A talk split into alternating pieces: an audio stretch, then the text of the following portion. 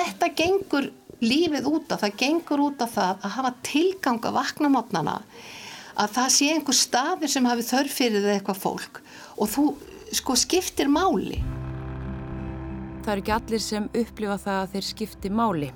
Margir eru einmanna eða félagslega einangraður í nútíma samfélagi Reyndar er einmannarleiki svo mikið vandamál að til dæmis í Breitlandi var nýlega skipaður sérstakur ráðherra einmannarleika Það er ímislegt sem getur ítt undir félagslega einangrun, til dæmis veikindi eða breytar aðstæður og þá getur verið erfitt að koma sér út í lífið á nýjan leik.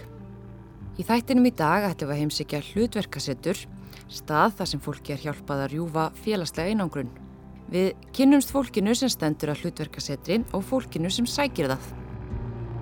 Eitt af því sem að ég þurfti að kljástu sko fyrst ég var að koma inn að ég, ég fyrir utan sískinni mín sko að þá ætti ég enga vini og ég skammaðist mín og ger pínlítið en að eiga ekki vini. Þú veist að þá er ég svona stimpilum já, há, eitthvað hlutan að leðileg þessi maður. Þú veist, 7,4 miljardar á jörðinu hún á enga vini. Veist. Eh, Það hjálpaði mér með að trista fólki til dæmis og, og, og þegar ég var svona að upplifa mikið kvíða í tengslum við samskipti og svoleiðis og hér er einhvern veginn allir viljur til að tala við mann og hjálpa manni og, og, og það er svo dýrmætt þegar maður er á þessum stað, skilur við. Ég er mætt í hlutverkasetrið og það er hún Elín Ebba Ásmundsdóttir, framkvæmdarstjóri hér og yðjúþjálfi sem tekur á móti mér. Hlutverkasetrið er staðsett í borgartúni og þegar inn er komið sittja nokkur að spjalla yfir kaffibotla við eldúsborðið, kökur er á borðum og verið er að undirbúa brúðursýningu sem verður setna í dag. Fram eru nokkri að sinna sínum málum, eitt situr við tölvu, einn að púsla og annar að lesa blöðin. Hér er alls konar fólk á öllum aldri og unnið er eftir hugmyndafræði valdeflingar og líkansins um yðjumannsins. Og við erum að líta miklu betur á það sem við höfum þegar í staðan fyrir alltaf að búa til fyrirgeðu þó ég sé sjálf í svona úrræði. Við búum til endalis úrræði þar sem við afmörkum fólk og vilja bara hafa það svo við hinn þurfum ekki að horfa upp á þau. En við erum að hugsa um hvað getur við hver á eitt gert til þess að gefa öðrum tækifæri þeir sem ekki geta unni fulla vinnu eða einhver hluta vegna. Þannig að hérna, já, ég held að við séum búin að sérfæraði væða, þetta sé afleðingar af sérfæraðvæðingi góð en þetta er slæmarliðin að því. Að sérfræðingarnir þurfa að vera í öllu og við gefum ekki vennilega fólki takkifæri skiptum máli, maður mann skaman sko. ég segi þetta aftur aftur, maður mann skaman Elin Ebba segir að það séu góð úræði innan heilbreyðiskerfisins en það þurfi ekki að fastmóta öll úræði það þurfi líka stað eins og hlutverkasetrið þar sem hver og einn sé á sínum fósundum En svo nafni gefur til kynna, þá er tilgangurinn að fólk finnir sér sitt hlutverk, sama hvert það kann að vera, og margir uppgöta ný hlutverk í gegnum setrið. Leiklist, myndlist, jóka, dans, réttstörf og svo bara spjall eða fá góð ráð. Þetta er rauninni afrakstur af batarannsók sem ég gerði, ég minnir að það hafi verið 2001, ég var hann í geðrættinni með hérna unstinsinni, það sem átti að vera forvarnir að fólk geti gert eitthvað við eigin geðelsu, geðurinn tíu kom út úr því og geðartakassinn en svo sama tíma er ég að gera að taka viðtöl við fólk sem hafi náð bata sem hafi verið með alveglega geðsútuma og verið að spurja þau hvaða væri, hvernig þau hafi náð bata. Þannig ég talaði við fólk sko sem var, var, sko, var virt þó að kannski verið með enginni eða, eða sko, sjúkdómur að væri ekkit farin eða svona og þá kemur þessu hugmynd að setja á stað hlutarkasettur að því það sem gerist oft þegar fólk veikist, það kannski fær einhver aðstóð inn á geðdildum og svona en svo byrjar sko ballið þegar það kemur heim, þá kannski ræður það ekki við hluti eða einangra sig eða missir vinnuna eða eitthvað sem gerist að því að sko þegar maður fær svona geran enginni þá reynur oft sjálfströstið og þó að fólk viti að það sé gott að reyfa sig eða vera meðar fólks þá kemst það ekki þanga sem það þarf að fara svo hérna svo það kvikna og líka það talaði um ég vil ekki einangrast það sem eru bara geðsjúkir. Og ég vil að segja ljótt orð get, getó sko að hérna við þurfum líka að vera á meðal venjulega fólk sem vil einhver venjulega vera með okkur svo erum við bara svo heppin í óhefninni að þegar hruni verður hérna 2009 þá erum við komið samninga við og ástæðan fyrir við fengum samninga við þá velferðarandi var að við ætlum að gera rosalega skurk í atvinnumálum geð, geðsjúkara. að því að hérna, við sjáum að fólk getur unnið, kannski þarf að minka eitthvað tímabundið eða breyta einhverju og við ætlum að sko taka vinnumarkaðan með trombi, svo bara kemur unnið og það er fullt af frísku fólki sem missir hlutur, missir vinnuna og einangrast. Þannig að þá opniðu við fyrir þeim að þá allt í nú kemur vennilega fólkið og er tilbúið að vera með okkur þessum að vildu vera á svona stað sko. Og það hafði oft verið fólk sem hafði lendið því að vera atvinnulegst áður og vissi hvað aflegginga það hefði. Það þyrtti að vera virt og vera innan manna fólk. Þannig að þá fengum við svona gott býr að, að við vorum, það var vaffr sem að samtu við okkur og fólki þeirra kom hérna. Og þá var alls konar fólk sem hafði alls konar hæfileika sem að sko var með alls konar námskeið fullt af mikið af svona sjálfbáðaliðum og, og það svona hjálpaði okkur að, að forma þetta. Og við heldum sem betur fyrr það er einn og einn aturleitandi, það er einn og einn sem er kannski að flytjast úr bæn, úr utan land og í bænum og þekkir ekki einhvern eða einhver luta vegna er ekki svona í skólaðvinn eins og við viljum alltaf vera í að hérna, sem kemur hérna enn. Og við fögnum því alltaf því að við viljum ekki að þetta sé hérna er svona fólk og þannig svona fólk heldur við viljum hafa þetta svona þverskur. Þess vegna fögnum við líka fólki með ellendu bakgrunn sem að kannski, já, þekkir engan kemur hérna og þá getur allavega tekið þátt í með okkur það sem það er tilbúið til. Elin Ebba stopnaði hlutverkasetrið ásand Silvían Pétursson árið 2005. Þær eru báðar yðjúþjálfar og höfðu starfaði í tíu ára innan geðheilbriðisbransans. Þeim fannst vanta betri úrræði fyrir fólk eftir að það kæmi út af spítala og stopnuðu þess vegna þennan stað, hlutverkasetrið, sem hefur vaksið og dapnað síðan og ekki síst fyrir tilstilli þeirra sem hann sækja. En, en þetta, sko, það hjálpaði okkur doldið hérna efnaðskreppana því að þá gerði fólk sér grein fyrir mikilvægi samskipta því margir sem mistu vinnuna þá að félagslegu þörfur var fyllt í vinnunni. Svo þegar það mistu vinnuna þá allt í hennu var líka vantaði að það var ekki bara sko vinnan, heldur líka félagskapurinn kringu vinnan. Svo vinnan gerur svo mikið margt annað heldur en að sko að þú skaffiði pening. Það er svo margt í kringu vinnuna. Hvernig fólk kemur ykkar? Alls konar það er sko flestir eru með einhvers konar gera vandkvæði en eins og ég segi það er líka fólk sem er félagslega einangrað líka fólk sem er einhver luta vegna ekki vinnu uh, í þennan útlendingar uh, það, er, það er alls konar en það er rosalega erfitt að taka þennan fyrstu skrifin inn og það segi alltaf að það er fordómar og það er eigin fordómar að því fólk hugsar hvað halda aðrir um mig þegar sjá mig í þessum hópi og allir vilja berga sér sjálfur þannig að þú verður að taka þetta fyrsta skrif að segja ok, ég þarf á þessu stað að halda og það er bara allt í lægi en ég get kannski látið gott að með leiða líka þannig ég kem ekki bara til að þykja ég get líka gefið. Og ég get ekki ráðlegt fólki hérna. Þú veist það verður bara að prófa að gefa okkur séns sumið þól okkur, aðrir ekki. Þannig að hérna maður verður bara að pröfa sko. Það er allir velkomnir og maður þarf ekki að panta tíma en eins og maður getur bara að droppa þinn. Og stundum stundum okkur vel við stundum okkur stundum vel og stundum illa. Maður veit aldrei. Hvernig er stemmingin en það? Er mikill hérna húmor og gálgahúmor og það er mikill leið og hérna og sko, já þetta er bara eins, ofta eins og ég heitu bóttanum það er bara að vera að ræða um allt og hérna og svo þegar maður fyrir að tengjast þá fer maður að sjá spauðli hliðna en ég segi hérna fólk allavega segir sem er hérna, það finnur fyrir svona léttleika og pínliti svona uh, kás og það held ég að ég hluta til sökina því að hérna, ég vil ekki hafa ómarga reglur. Ég vil að hérna ég vil hafa léttleika og ég hef oft sko fengið að heyra það svona út á götu að fólk eitthvað tala við mig yfir hitt með á getildin og eitthvað svona eitthvað þakka mér og ég segi, byrju þakka mér fyrir hvað? Ég meina, manni getur ég hef gert neitt. Nei, þú varst alltaf svo góðu skapi og það var alltaf glens og gaman. Þannig að fólk sem líður illa það vill ekki draga hérna með sér.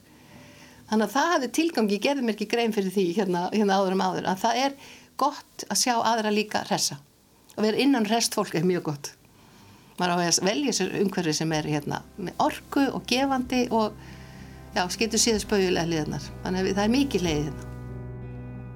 Og hér er fólk komið af ýmsum ástæðum. Flestir hafa glýmt við andli veikindi á einhverjum tímapunkti. Hún Ásta Gunnarsdóttir kennari þekkir það vel. Ég er sem sagt veikist af geðkvarfum 83 og þurfti að flytja austan að fjöruðan sem við byggum og hinga til þess að vera fá geðleiknis þjónustu og það gekk nú bara nokkuð vel. En svo veikist ég alvarlega 2001 og þá er hérna leggst ég inn á spítala og, og þá er komið niður í þjálfun við gætildina. Og þetta var svona, ég var ekki samfelt veik frá 2001-2005 heldur hérna náði mér svona nokkuð en var, var hérna náði mér aldrei eða náði mér ekki vel. Þar kynntist hún Silvían sem var yðjúþjálfin hennar og fekk hana til að sinna þar vinnu til að koma sér aftur á staðu til lífið og að hafa hlutverk. Það einhvern veginn finnur hún það að, að ég, ég er svolítið strand og það vantar eitthvað.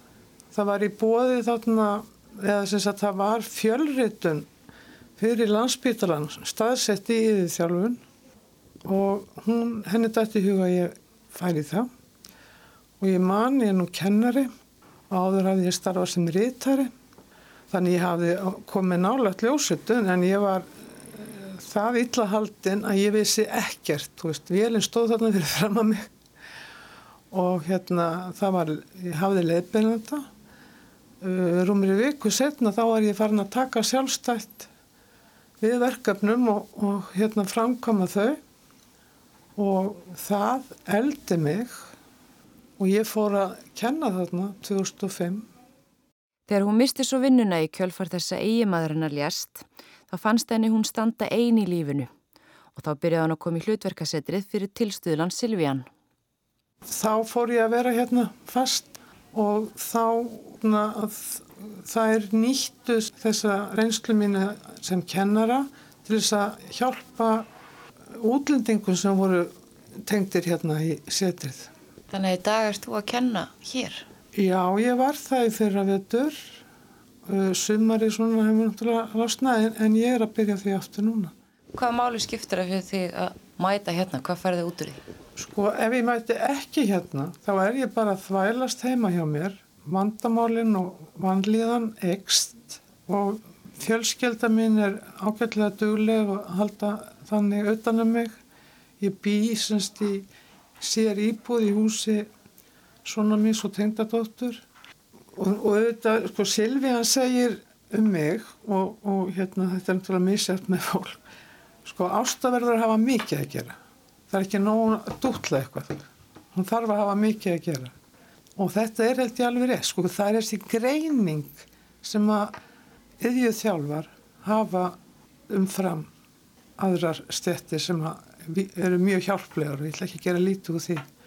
Og hlutverkasetur er þannig uppbyggt að, að hérna, þú kemur hér inn og þú ert farin að tala við einhvern eftir smá stund.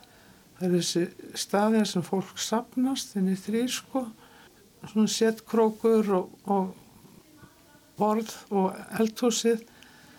Og það er svo mikilvægt að heyra líka erfileika annara af því að margt er þarna mjög svipað.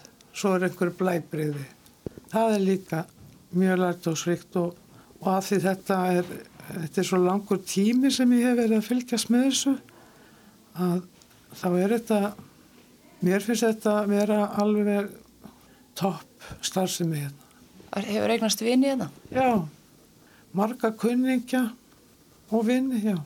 Hvað er verið að spjallum? allt millir heimis að gera stundum hér, andræði og vesen og allt saman. En það er gott líka, geta átt einhver samskipti með það. Og oftar en ekki að þá kemur fram að þessi hefur hann aðeins meira en ég að þessu, ég getum verið bara sæl með það, skilur þannig að, að mælistekan er svo breið og fólk býr yfir alls konar ráðum og, og svo framvegis þannig að lifur er nöðsynleg það það er ekki spurning um það en það er meira. Hún nærðir ekki almennilega nema þú hafir eitthvað innihald í lífinu. Og það var gífurlegt áfalla að sagt, þurfa hægt að kenna. Sagt, þessi reynsla sem ég hef segir mér að ég verða að vera virk. Og ég fæ mikinn stuðning við það frá þeim hér allir Hún segist að hafa fundið mikla fordóma vegna veikinda sinna þó að viðhorfið hafi svo sannarlega breyst með árónum. Fólk veit orðið miklu meira um geðran veikindi en það er samt ennþá eitthvað sko það sé ekki eins, sko það er ekki eins og önnur veikindi. Þó að mann hafi náð hils og kent í 15 ári eftir að maður var, var vekkur sko. Það er svona eitthvað, veit ég hvað það er. Finnur þú mikið mun frá því þú vektist fyrst og Já. svo síðan núna? Já, fyrsta lagi var ég náttúrulega bara sjálf, hérna, illa upplýst og, hrætt þó að móði minn hafa haft þetta þá, þá, þá var það öðruvísi, hún vildi ekkert gera, það var lítið í bóði þá, en ég setti ekki samansemmerki þar fyrir en eftir svolítið tíma, en í rauninni man ég þetta og það er alltaf eins þegar ég veikist að ég svona veit ekki hvað er að gerast bara, en, en að vísu þekki en orði minn sjúkdóm þokkarlega vel nú orði sko. og, og hérna kannski eitt sem ég finnst svolítið gaman að segja frá sko. Ekki gaman en, en samt sko er ég með gæðu kvörf það þýðir að ég fari bæði upp og niður en það er miklu meira í þess átt niður. Ég hef farið upp ekki oft en guð minn góður það er ennþá verra sko. Að fara svona átti. Já, ég hef nú sagt mörgum það, að, hérna frá vestadæminu, þá var ég að tala við einhvern. Og allt í hennu fer ég að hugsa, veitu, hver er að tala? Þá gerði ég mig ekki, sko, þá var ég komið með, ég hafði ekki stjórn á því sem ég sagði. Og hausinn, hausinn fattaði að það var ekki, en þetta var svona stjórnleysi sem er svo hræðilegt. En Guð hefur hérna sem betur fer sleppt mér við þessi, þessa toppa mikið. Þannig að þú fyrir meira niður. Já. En þú vissir rauninni ekkert hvað varst að segja? Nei, ég vissi að þetta var eins og einhver annar væri að stjórna talinu. Þetta verður sko, þetta verður algjört hömluleysi og ég svo sem heyrst svona skýringar, ekki, ekki beint svona, en sumir tala um að sé betra að vera í manni en það er, það er skelfilegt. Maður hefur þó einhverja stjórn hinnum meginn.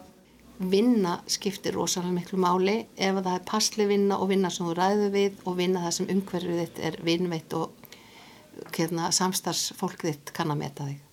Þannig að hérna, ég vil ekki að fólk bara blómstri, ég vil að líka fá að fara markmið hjá okkur er að fólk komist áfram. En allt í lagi, einn og einn meg að vera hér eins lengi og þau vilja ef ekkert annað tekur við. Ég skal segja þér sko, um leið og þú ert farin að ná ákveðum árangri og farin að tengjast þér utan, það þarf ekki lengur okkur að halda.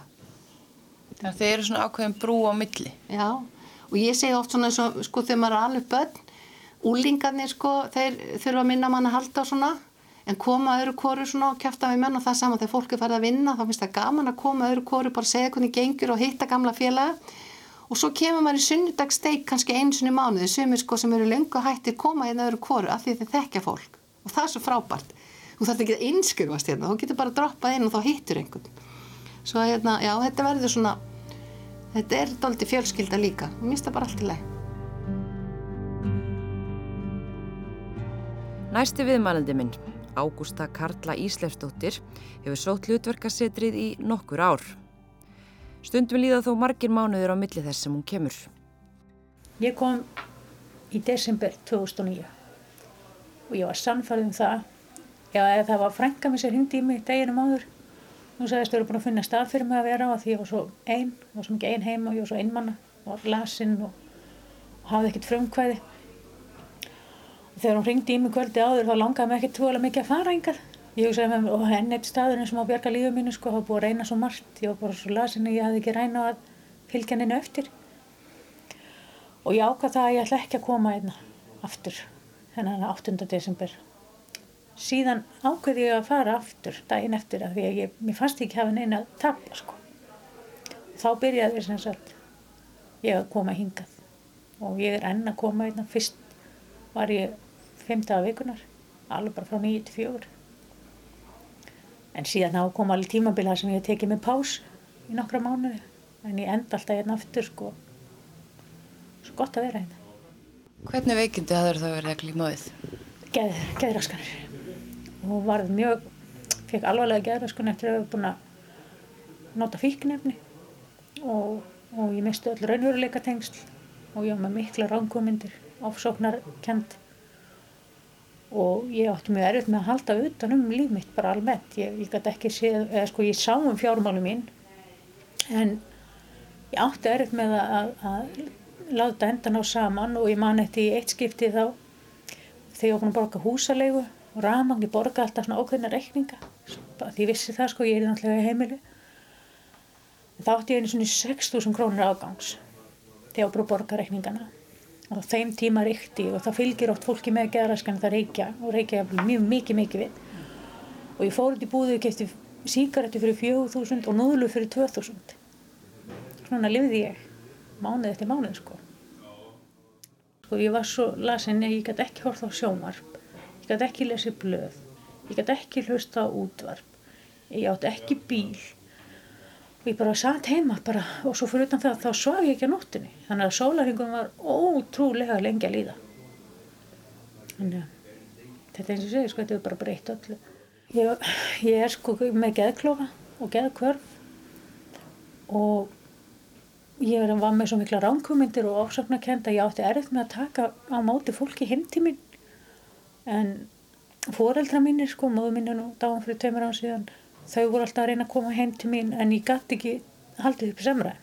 Ég var svo lasin að ég gæti ekki tala við neitt nema einhverjum svona einsatkvæða setningum, já, nei, kannski eitthvað svona sko. Og ég var alveg þannig þegar ég kom hinga fyrst og ég hef sagt það áður og ég segi það enn að þessi stefna sem er rekin hérna, hún bjargaði lífið mín og hún bjargaði sálar heil minni. Hvernig þá? Getur þú líst í kannski eitthvað hvernig það var að stíga þenninn fyrst? Ég hérna, það voru tölfur hérna í stóra rýmunu og ég man að ég settist í tölvuna og var að hlusta tónlist. Og ég held, ok, mér finnst þetta að fyndi í dag, hans ekki fyndi þá, ég held að ég hefði spil, hérna, samin alla flottustu slagara í þetta alveg meira höfðar En það sem að bjargaði mér var bara líka það að hér var þverskurður af fólki. Mér fannst rosalega gott að það var ekki bara fólk með geðraskan eða. Mér fannst rosalega gaman og gott að hitta fólk sem var ekki meina geðrana kvilla, bara vennilegt fólk sem að, sem að kannski var atvinnulegst. Mm það er svona, þú veist, að því að ég var náttúrulega svo vöndi að vera alltaf lókuðinn og geða deilt bara innan um aðra geða sjúklinga og mér fannst ég að himni höndun tekið því ég kom hérna. Og ég fattaði þetta sko. Að þegar maður verður svona rosalega geðveikur sko þá er eins og rými eins og sé bara rými fyrir geðveikina í lífum hans hún yfir tekur all lífum hans og jáfnvel þeirra sem er standamanni næst sko. Og ég hef farið í geðróf hérna í hlutarkasettri og er bara svo heppin að það er hérna fólk sem er búið að starfa innan geðsjúka geð, geðrans síðan sko 1979 og það var fólk hérna sem að náði mér úr geður og bara mjög fljótt eftir ég fór í það. Ég var svo vöna að vera lögð inn sko þegar ég fór í geður og það er ekki langt síðan að þetta gerðist sko. En það sem ég veit núna er sko það sem ég var alltaf svo hrætti ég var svo ofsalega hrætti að festast í geðrófi og ég var svo hrætt um að geðsjúknumann var að yfirtaka mig og ég verði aldrei aftur eins. Og mér finnst bara starfsfólki hérna í hlutarkasetri það, já þessi, þessi stefna það er bara, það hefur haldið í mig lífinu sko.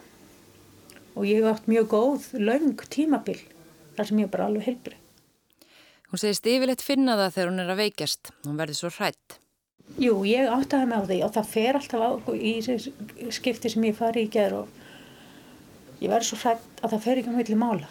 Ég bara byrja að veina og bara nei, nei, nei, nei, nei, nei, nei, nei, nei ég, bara, ég er að lasa inn. Og svo bara er það bara spurningu um hvað ég dett langt inn í geðvikina sko. Hvernig tilfinning er þetta?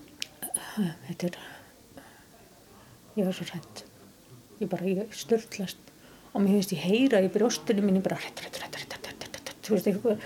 Og bara, og mér finnst bara eins og geðvikin segja ég vil taka höfuð á mér og ég er aldrei aftur hvern en ég fekk mjög góða aðlinningu þegar þetta kom síðast fyrir. Og ég þakka það bara einfallega góðri þekkingu starfsfólksins hérna. Vita alveg hvernig það bregðast við og gátti hjálpa mér. Ég er mjög tilfinningarlega tengd sem sagt fólkin hérna, þannig, eða samt ekkert svona íkt sko. En það veitir sko þetta fólk, þetta er allt fólk sem er svo mikið fagfólk sem veit alveg hvað það er að gera sko. En fólki sem sækir hlutverkasetri hefur eignast til dæmis vinnu og félagiðar? Já, já. Það var eitt af því sem að þurfti að kljástu sko fyrst ég var að koma inn að ég, ég fyrir utan sískinni mín sko að þá ætti ég enga vini og ég skammaðist mín og gerði pínlítið en það eigði ekki vini. Þú veist að þá er ég svona stimpillum, já, vá, eitthvað hlutan að leðileg þessi maður, þú veist, 7,4 miljardar á jörðinu, hún á enga vini, þú veist, og hérna, en jú, ég er alveg í svona sambandi við svona þrjár konur sem að við hittum stundum um helgar og fáum okkur kaffi og svona og hérna. Og þau kynntust hér? Já.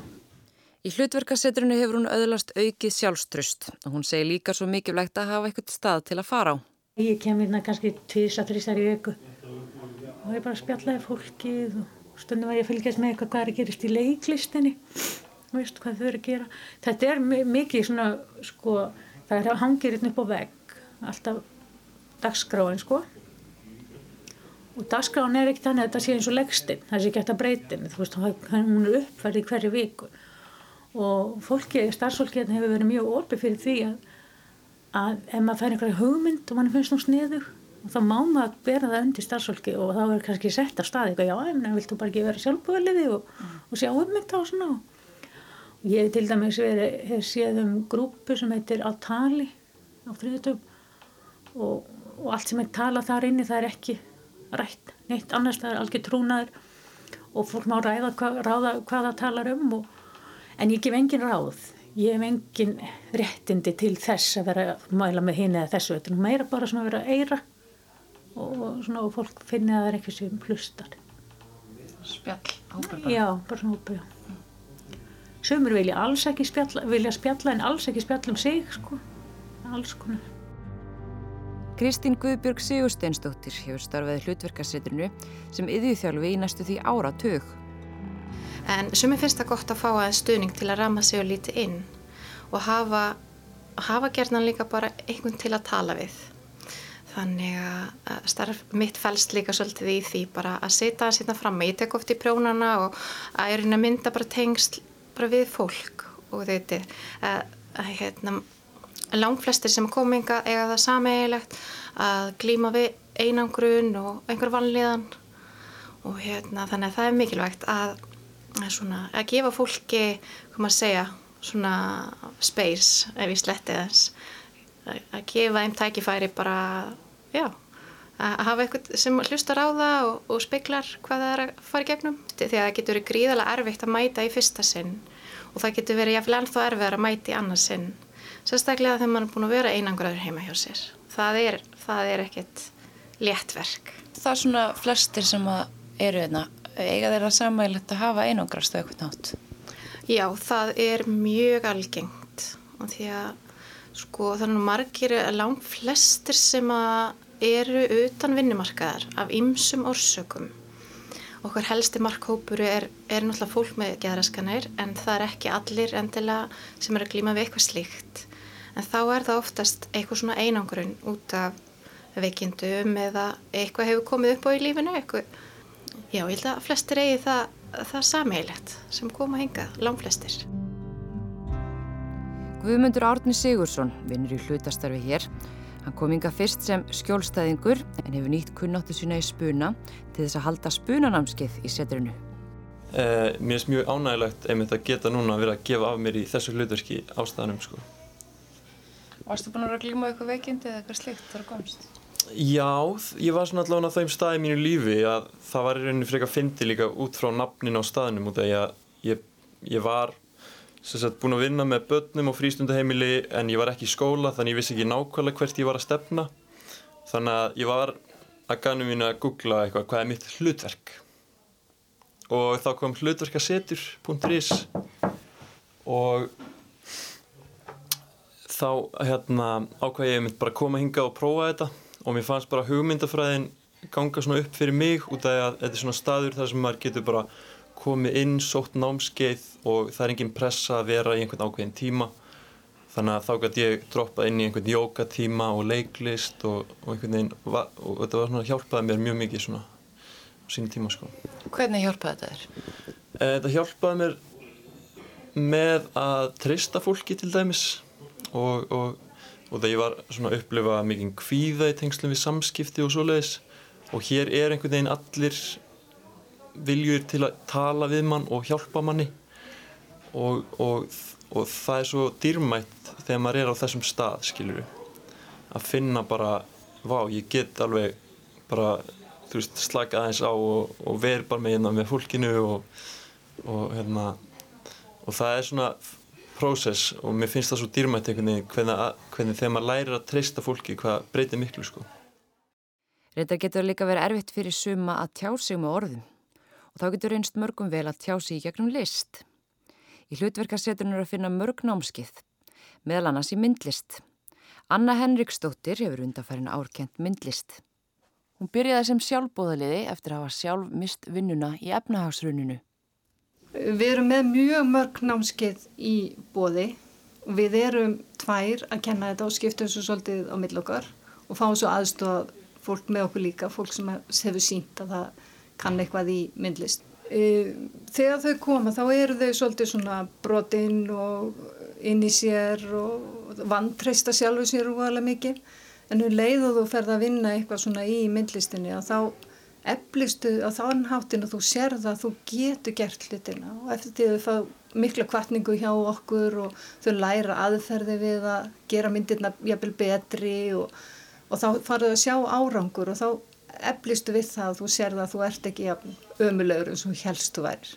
Þannig að þú veist, þetta er, það, það er líka mjög margir sem koma við þá hugmynd að þau kunni ekki að teikna og það er bara búið að segja þeim að þau geta aldrei teiknað eða þau eru bara búin að sjá allir aðri teikna miklu miklu betur heldur en þau. En þau hafa aldrei sest niður og prófað. Og þau hafa aldrei fengið uh, kvartningu til að gera þetta eða, eða upplýsingar um hvernig þú getur gert þetta vel. Og hvað þartu til að gera góða mynd og, og leiðu þau hafa ef þau hafa eitthvað svona listrænan áhuga á einhverju að þá hvetuðu þetta til áframhalds. Og þá eru bara myndirna bara oft mjög mjög fínar.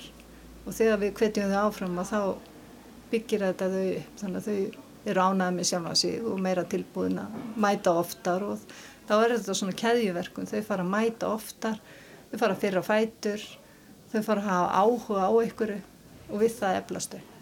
Og þetta tjáningi skiptir svo miklu máli og það er oft fólk sem hefur bælt allt niður með sig sem getur tjáð sig gegnum listina. Þó þau getur ekki sagt öllum frá því að þá, þá getur maður að sé að þarna kemur eitthvað bati gegn og þetta skiptir rosalega miklu máli. Og svo skiptir máli líka að fá að sína þannig að þessa síninga sem við höfum verið að gera hefur gefið þeim líka. Og þetta er orðið svaldandi að við fengum að sína í Norrannahúsinu og þá voruð þau komið svona út á svona mjög annan markað sko. Þannig að það var farið að sjá meira svona fólk var það að taka eftir þeim. Leiklistahópurum fekk að vera með í síningunni þá vorum við með svona ævintýri og þau voru að búið til andra brúður og þau voru að búið til bækur sem eru með svona dýft inn í þannig að það var hægt, þetta var svo lítið leikhús. Og þá hjálpaðist þetta allt sem að. Leikhópurinn gæti komið sínu á framfæri. Við gáttum sínt þetta fram í myndlistinni og við vorum á okkur um svona viðkendum stað. Tilgangurinn með hlutverkasetrinu er að sögn eppu sá að fólk fá að blómstra á eigin fórsendum Sko, hver og einn finnur sinn tilgang. Sumir koma hérna af því þeir eru í endurhæfingu og vilja að hluti af því prógramum sem við bjóðum upp á sé hluta þeirra endurhæfingar áallun. Aðrir koma hérna til auka lífskeiði sinn af því að þeir eru einangrir og eru kannski búin að fara í endurhæfingu og það hefur ekki skila sér út af vinnumarkaðin og það er líka allt í lægi. Það er auka lífskeiðin. Sumir eru hérna til þess að undirbúa sig algjörlega meðvitað út á vinnumarkaðin og þess vegna höfum við hérna, verkefni sem heitir útráð sem er sérstaklega til að stiðja fólk. En sko hver og einn ákveður hvernig hann nota staðin. Þannig að það er líka svo indislegt að þér er ekki sagt þú er að nota staðin svona. Það er bara spurt hvernig og ég sá hérna að var vital við einn mann sem hafi verið hjá okkur og þetta er eiginlega svona eitt af bestu rósana sem við fengið. Hann var búin að gefa út bók og hann sagði að hann hefði verið endurhafingu en þegar hann hefði komið hérna þá var spurt hefur einhverja draum á þrár? Og hann sagði að það hefur alltaf langað að gefa bók. Og þá var sagt ok, getur ekki byrja hér? Getur ekki skrifa tvo tíma dag? Hvernig viltu mæta? Og svo var hann að skaffa smá rými og það kom bók. Ég held að það hefði verið þremur eða fjórum án setna og hann myndi eftir okkur. Skilur við vitum ekki alltaf hvernig það skilaði sér en, en hann sagði þetta hefur fyrsta skipti sem hann hefði komið eitthvað svona endurhæfingar umhverfið þar sem hann var spurður hvað vilt þú? Hinga koma líka margir innflytjendur sem vantar að finna sinn stað í samfélaginu. Þau Katla Lind Þóraldsdóttir og kæristinn hennar Ímed Daman Túk komu hinga fyrst í desember og sjá ekki eftir því. Nún eru þau að gera rannsók fyrir hlutverkasetrið þar sem Katla nýtir sína þekkingu og þau sjá fram á að geta nýtt sér reynsluna til þess að byggja upp eigið fyrirtæki setna mér og við varum svona svolítið smegu að koma hérna að fyrst við sem ekkert hvað þetta var í rauninni. Við vorum alveg búin að skoða afturringadagskrána sem þeir eru með. Við vorum búin að skoða hvernig staður þetta er. Svo bara kemur svona kvíð upp hjá manni og það var bara svona veit ekki alveg hvernig þetta verður en við ákvæmum að kíkja á þetta og okkur leist bara þrælvel að þetta. Koma hérna. allt svo heimilislegt og mann finnst maður að vera svo velkomin hérna. Og við bara heldum áfram og og að gera bara það sem við viljum. And this place uh, actually um, gives me gives me the opportunity to work uh, as I was working before, you know, because I was a French teacher and I was a, a, a project manager and I speak five different languages. And since I arrived in Iceland, I was just using doing uh, some heavy job that I'm not used to, like working in uh, factories and uh, fast foods and stuff like that. I'm not skilled in that. I'm skilled in other areas, and here my need, my help is needed somehow, and they are very supportive of everything that we are doing as a as a team. Me and Katla, we are a team. Hvernig hefur þetta breytt ykkar daglega lífi eftir þið fóruðum að þetta hingað? Í rauninni mjög mikið. Við höfum bara verið hérna og þú veist unni í tölvunum og, og verið að tala við þú veist hérna meðluminna í okkar teimi og bara svona að reyna að finna út hvað við getum lagt okkar að mörgum þannig að allir, allir hafa eitthvað sem það geta búið fram og við ákvæmum bara að kýla á það og sjá hvað við, við fengjum út úr því þetta er svona aðalega bara fyrir okkur líka geta endilega bara fyrir staðin sko. þetta er bara svona okkar persónulega verkefni sjá hvers við erum megnug til að gera Og finnur fyrir svona auknum sjálfströsti? Já, að vissu liti þetta er alveg veist, þetta kemur hann alveg áfram og veist, þóra að tala við aðra og bara á marga vegu er þetta, þetta er mjög mjög flott að vera í svona og að fá þetta frels að geta gert bara það sem hún vilt á einhvern stað sem að veist, eins og svona stað það sem að alla dýruröknir opnar. Og ef að maður hefur einhverjar hugmyndir um hitt og þetta, bara skiptir ekki máli hvað það er, þá er þau alltaf ofinn til að hlusta og, og hjálpa þér kannski að, að finna þinn veg í því sem að þú hefur áhuga og, og vilt gera. Eins og áður hefur komið fram þá kemur fólk hingað af alls konar ástæðum. Næst hitti ég fyrir Þór Örn Víkingsson sem er nýbyrjar að sækja hlutverkasetrið og hann setur við tölvum meðan hann skipir ykkur næstu skref í lífinu. Þú ert nýbyrjar að mæta það hinga? Já, ég var að byrja bara... Það eru þrý dagar síðan. Já. Þetta er hriðaskipti sem mæti. Já. Og hvernig kom það til? Já, ég er nýfluttur utan að landi og er að leita mér að vinnu. Og nýðustan er svo að ég ætla að eh, opna mitt eigið litla fyrirtæki. Og, og það er bara svolítið þægilegt að koma hérna og vera í umhverfi. Gera svona hluti sem það þarf að gera það getur verið erfitt að vera einn heima hérna, dingla þar og ekki gera það sem við ætlum að gera. Koma sér kannski bara svona í gang? Akkurat að hérna, koma hlutunum á stað. Að hérna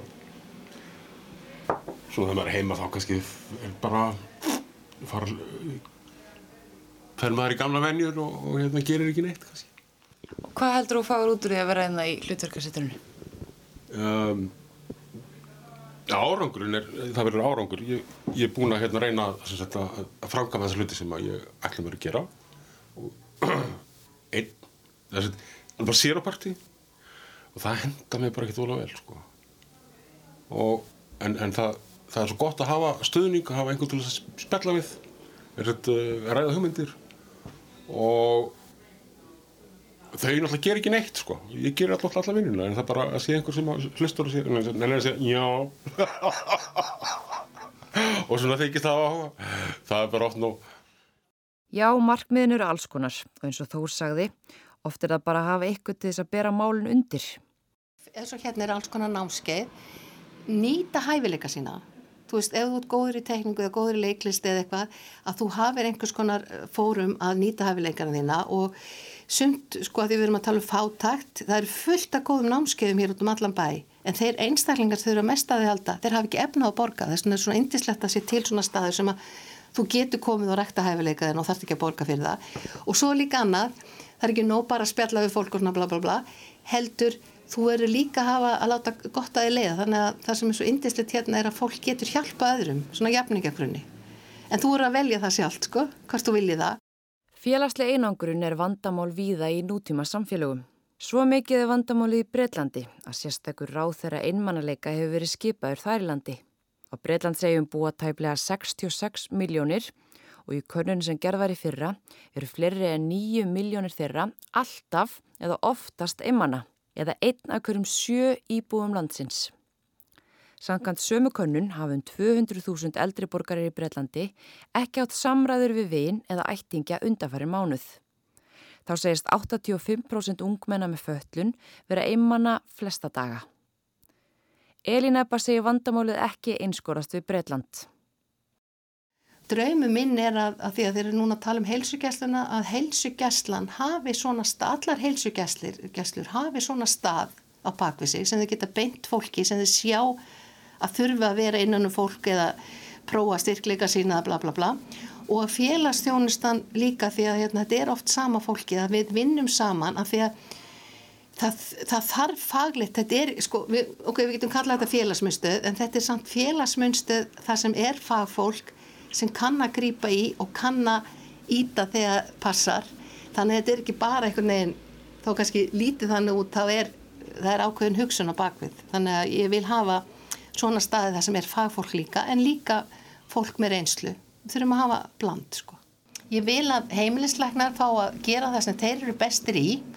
Það er að greina sjúkdóma og vinna gegn þeim og, og svona þekka sína kuna en þeir eru oft að fást við einmannalega, félagslega einangrun, geðrana sjúkdóma, þar sem að sko þeir per sé get ekki bóðið upp á. En þá þurfa þeir að hafa aðgengi að einhverju svona þeir geti sagt fólki já það er hérna í tengslu þess að heilsugjæðslu stöð er virknimunstöð þar sem þú getur að dag og getur farað um tveisur viku og getur gefið tíma, það getur verið hjúkunarfræðingur einhver sem að vinnur þar eða félagságjafi það getur líka verið að þurfa að fara sko, heim til fólks og hjálpa fólki bara í daglegu lífi og skipulegja sig, koma yfirþjóla þar stert inn í.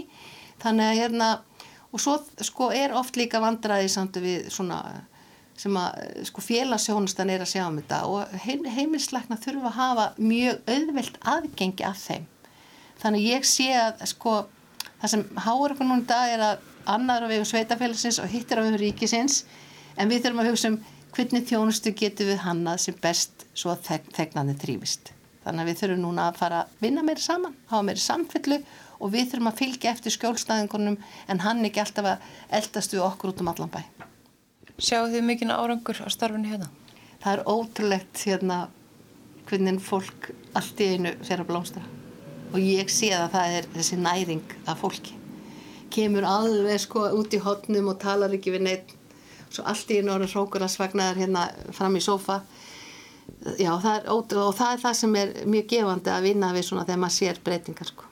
Það er hérna og sko það er nefnilega svo mikilvægt að þekka fólk og ég nefnilega er alltaf annarkort á hjóli eða lappandi reyna að gera eins mikið að því ég get. Og ég veit ekki hvað ég er búin að hitta marga á förnum vegi en það hefur líka hjálpað mér að því ég er búin að vera að vinna við þetta síðan 1979 og 1980 sko. Að þá hitti ég kannski einhvern í bónus eða nýri bæ og segi, heyri, þú er ekkert kikt nýri hlutarkasettur, hérna, veistu á þeim stað og svona, þú veist þess vegna þurfum arkitektur og allt svona, við þurfum öll að vinna saman, hvernig hennu við bæjarsamfélag þar sem fólk hittist og lætu hvort annað vita. Að því ég vil ekkert vera að pressa eitthvað, þú veist, að maður verður að vera einhverju barátt í fjölmiðlum til að koma sér á framfæri, maður á bara að vera í tengslu við nær umhverfið og hlúa að nágrannum og ef maður sér einhverju einmann eða hittir einhvern oft á einhverjum tíma dags þá hann að segja hefur þið kíkt, veistu hvað það er, hvað hefur áhuga fyrir? Og ég veit ekki hvað margir eru búin að koma hérna bara því ég hef hitt á að því ég er hérna eins og miðbæður ótta sko. Þannig að ég segi við þurfum ekki að finna neitt nýtt. Við erum að nýta betur það sem við höfum og sjá hvort við getum unni meira saman. En er algengt að fólk sé ummana í dag, fullar fólk? Því miður. Og ég held að sé ekkert öðruvísi hér heldur en í Breitlandi að hérna við erum búin að búa til eitthvað samfélag þar sem að er doldið mikið ábyrð einstaklingsins.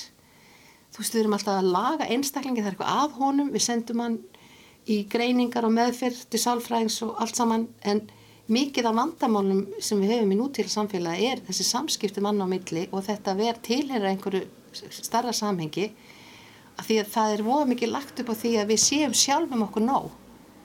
Því miður sko. Við, og þess að ef einhverju fatlaður þá er alltaf verið að gera sjálfstæðan en við sem erum ófölluð við erum ekkert endilega sjálfstæð. Ég er háð manninu mín með margar hluti og ég var háð mamma og pappa með margar hluti ákveðin tíma en svona endurhafingum með þegar hún gengur oft upp að gera með sjálfstæðan en það er ekkert eftirsöknarvert því þá er þau einmanna svo ég vil ekkert vera sjálfstæð, ég vil vera háð öðrum. Þannig að það er voðalega gott ef ég þarf að byggja einhvern um greiða því þá ringi og teku síman maður á að gera meira því. Já það er mikill einmannleiki og ég held að sé því eldri síðan verður því sko oft eldra fólk. Og líka fólk sem á einhvers konar föllun eða einhvers konar sjúkdóma eða tilheri í aðrunum. Útlendinga geta líka lendi í þessu eða fólk aðlendu uppruna. Já, það er ekki tilvílin að breytar eru búin að gera ráð þeirra. Kanski er það framtíða djöfum mitt að ég verið svona einmann að leika ráð. Nei, alveg, þetta er svo mikið vandamála, þetta er alltaf áhagverst að það er komin ráð þeirra. Þeir ætla að setja sérstatt ráð þeirra ennbætti. Það eru þurfa í Íslandi líka? Sko, það kannski þarf ekki á morgun að hinn en ég held að það mun í framtíðinu vegna þess að hérna, við erum að einangur stolti sum okkar í tölvunum og þessu stafræna hérna, þessu, sko, sem er ekki raunveruleikin og sjáum bara hvað unga fólki er að færast yfir í þennan heim. En það er líka því að það er færða umbun og, og það er það í hluturkum og þú far strax sko rósið og svona. En, en, hérna, en það gerist eitthvað við heilan á þér þegar þú ert í samskiptum manna sem gerist ekki í gegnum tölvuna sko. hérna, og við erum forrituð að vera með öðru fólki. Annars dóum við hérna. Þannig að þetta er hluta að lifa af. Og það er búið sína með rannsóknum að ef þú ert mikið einn þó þú upplýður ekki á sért einn það er nógu sért einn að þá fer heilin að hérna, funka öðru í sig hann fer að vera svona meira svona rættur svona þú veist hvað segir maður paranoid með ofsaknaræði og það er bara eðlert vegna þess að ef þú varst einn hérna í den að þá var meira hættur að sko tíkristýrin eða villidýrin tækjuði kannski ekki sofið þeir, það, það þurfti alltaf einhver að vera að vakta svona. Þannig að maður þarf bara að tikka inn í svona hvernig voru við gerð uppálega þetta, er, þetta snýst um að lifa af. Þannig að við erum háða að vera öðru fólki. Svo maður getur hugsað um okkur sem eins og plöndur umhverfið og samskipti er eins og sko vatn og næring. Og maður sko vissnar upp yfir lengri tíma að maður einn og það er sorglegt þegar maður heyrir þess að einu samskipti sem kannski aldraðir hafa er heimahjókurinn eða einhver svona skilur sem að er að sinna þér og fær borga fyrir það. Þannig ég held líka þessi sko, hvernig við erum búin að aðgreina okkur, þetta er ekki gott. Ekki ef við komumst aldrei út úr því sko. Umgengur spara okkar líka. Heldur það eftir að fólk eftir áttur að þessu? Já, já, já, já þegar ansóknir er farin að sína þetta, við, við gerum ekki neitt við allt verður að sannrið tjónustan þannig að það verður bara að býða til ansóknum þeir afneitun og algjörlega streyta hefur nokkur áhrif á líkamann. Svo þegar ansóknir síndi það og þeir hefur ekkert verið upptökin einmannleika fyrir nú vegna þess að ansóknir er að styðja hvað þetta hefur rosalega áhrif. Já já, það verður einhver sem er ansakart og þá fyrir við að taka marka á því. Ertu með ykkur ráð til fólks sem er einmanna? Sko, að koma sér út á daginn þó að sér ekki nefnir smá stund finna sér einhvern vettfang það sem maður er með öðru fólki. Ef maður finnur sér svona rútin það sem er hittir svipa fólk og svo fyrir maður að spjalla, normin fara á skýði, tala náttúrulega ekki mikið á skýðum en það kannski stoppa einhverstaðar og fór sér kakko og eitthvað, en við erum með svona, hérna, þeir sem eiga hund hittast kannski, það er að búa sér til rútinu það sem maður hérna, hittir eitthvað fólk og hittir fólk sem er uppbyggilegt, ekki fólk sem tekur fram á orku sjá hvort það sé einhverju staðir svona í kringu það sem það getur nýtt sér. Nota styrkleika sín að vera innan um fólk og, hérna, og líka sjá get ég hjálpa einhverjum öðrum, get ég þó mér líði illa, get ég samt stutt einhvern annan, því það hefur sínt sig að ef þú hjálpar öðrum að það gefur þér svo mikið